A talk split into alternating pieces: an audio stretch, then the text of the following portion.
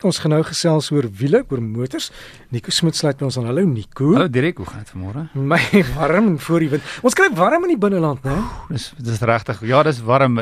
Die plante in my tuin sukkel nogal en uh ja, maar dit is um ek ek ek, ek hou meer van die hitte as die koue as ek eerlik is. Ja, gister toe ek by die huis kom staan die plante so tou daar by die kraan en sê wat almal is slukkie. nee, maar dis dis regtig warm en hmm.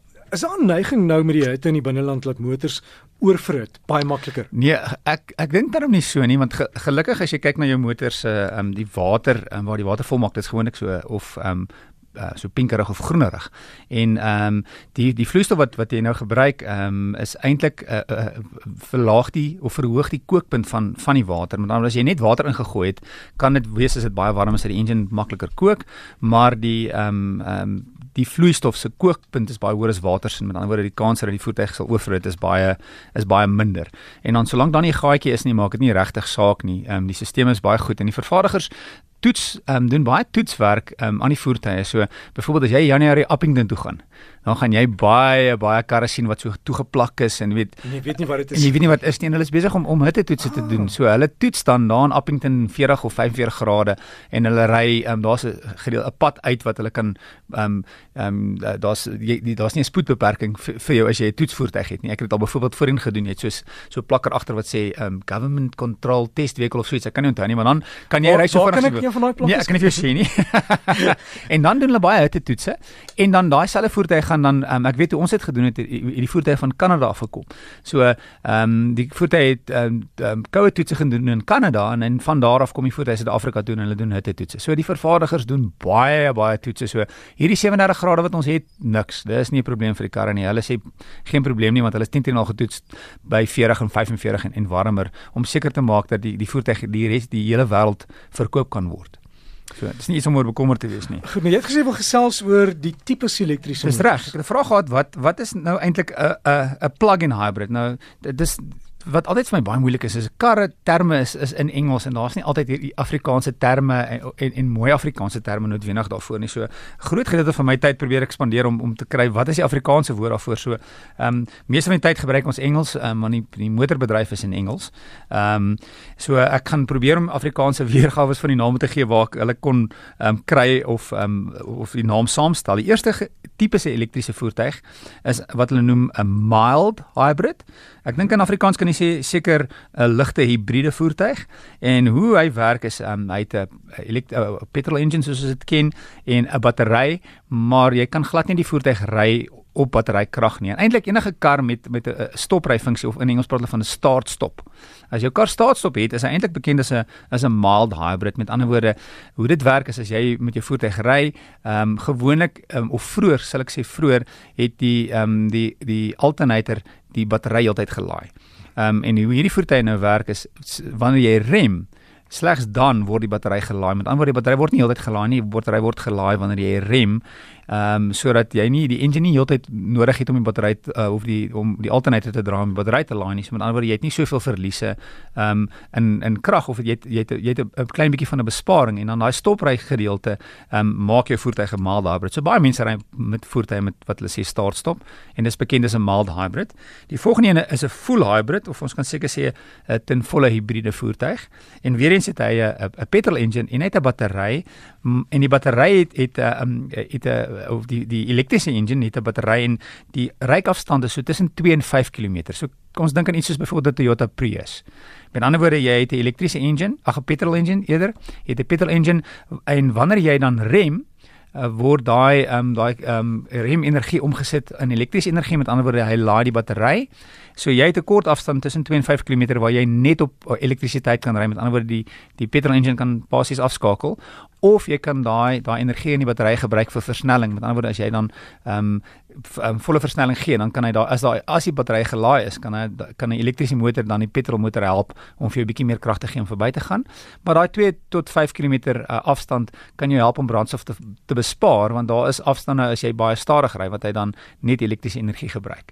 Hierdie karre is nog relatief duur, né? Ja, kyk, hulle is nog nie dis nog nie iets wat goedkoop is en en en en beskikbaar is in in in in die mark en jy kan dis 'n klein karretjies is almal nog petrol engine. So die Prius is omtrent die goedkoopste tipe ehm um, 'n kar wat jy kan gebruik wat wat bietjie elektriese energie ook gebruik. Maar weer eens, jy kan hom nie self laai nie. Die die die die petrolmotor laai die battery en die reikafstand is baie kort. Die volgende een is een wat ons meer en meer gaan sien. So daar's al 'n paar van hulle op die mark. In Engels praat hulle van 'n plug-in hybrid.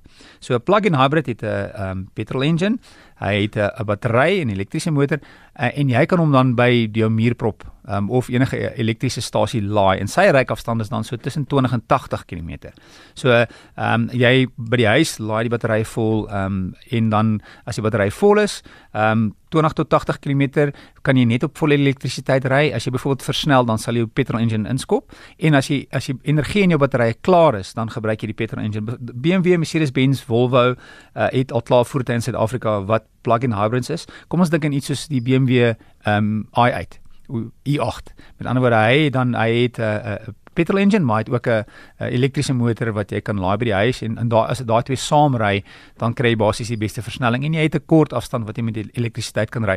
Hierdie voertuie kan al klaar redelik in Suid-Afrika werk want baie mense ry nie meer as 20 of 30 km werk toe nie. Met ander woorde jy kan die die voertuig in die oggend uh, of in deur die nag laai die battery, dan kan jy werk toe ry met elektriese krag. Jy kan hom weer moontlik by die werk laai en jy kan terugry met elektriese krag, maar jy het altyd um, die petrolmotor. So as jy nie as daar nie elektrisiteit is nie of of Eskom kan nie vir ons krag gee nie, dan kan jy nog steeds net die petrol engine gebruik. So dis 'n goeie opsie of alternatief en ek dink ons gaan baie meer en meer plug-in hybrids in Suid-Afrika sien, maar dit hang ook af van of die of of die publiek die, die karre wil koop. So die vervaardigers bring die voertuie in, maar as as hulle nie baie verkoop nie, dan sê hulle dis nie moeite werd om om meer te investeer aan nie want dit is nog nie 'n populêre keuse nie, maar dis iets wat ons meer sal sien.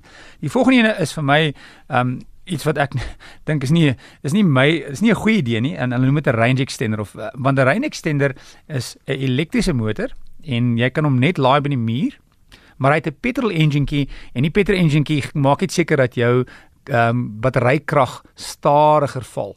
In ander woorde jy jy gaan na 'n vulstasie toe, jy gooi brandstof in en as jou batterykrag by 'n sekere punt kom, dan begin daai daai daai petrol enjinkie hardloop, maar hy hy dryf nie die wiele nie. Hy is hy is net seker dat die battery, die battery se vlak val dan laer. En dis vir my dis vir my nie die dis, ek sien nie die punte aan nie want jy sal eerder wil sê ek wil elektrisiteit gebruik of 'n petrolmotor maar 'n uh, uh, range extender is nie baie populêr uh, en uh, en jy kry in Suid-Afrika die enigste wat jy kry is die i3 Rex REX vir range extender so BMW se i3X en die laaste een is dan die een wat ons meer en meer gaan sien in Engels is dit bekend as 'n BEV of battery electric vehicle. Met ander woorde daar's nou geen petrol engine nie dis net 'n elektriese motor met 'n batterypak. Jy laai die battery by die huis by die muurprop of by 'n 'n 'n laaistasie en as die elektrisiteit klaar is dan kan jy nie ry nie met ander woorde daar's geen um, brandstof meer betrokke dis net vol elektries en dis en, en uit uit 'n slinger as hy pap word kan weer opgelaai. ons gaan volgende jaar gaan ons twee karre sien in Suid-Afrika.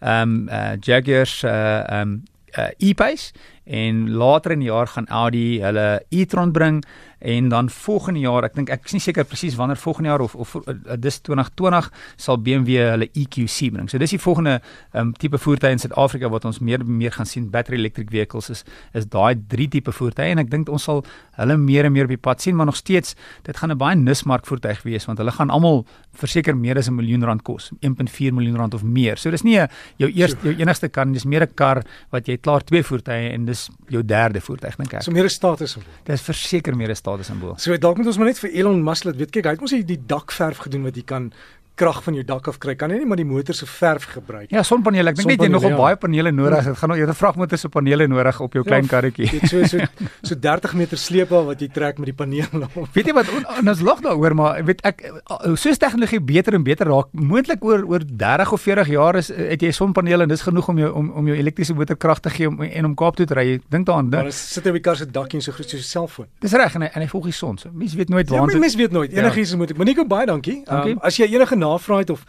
dalk die deur stuur maar vir my, dan gee ek vir Nico is D by rsg.co.za.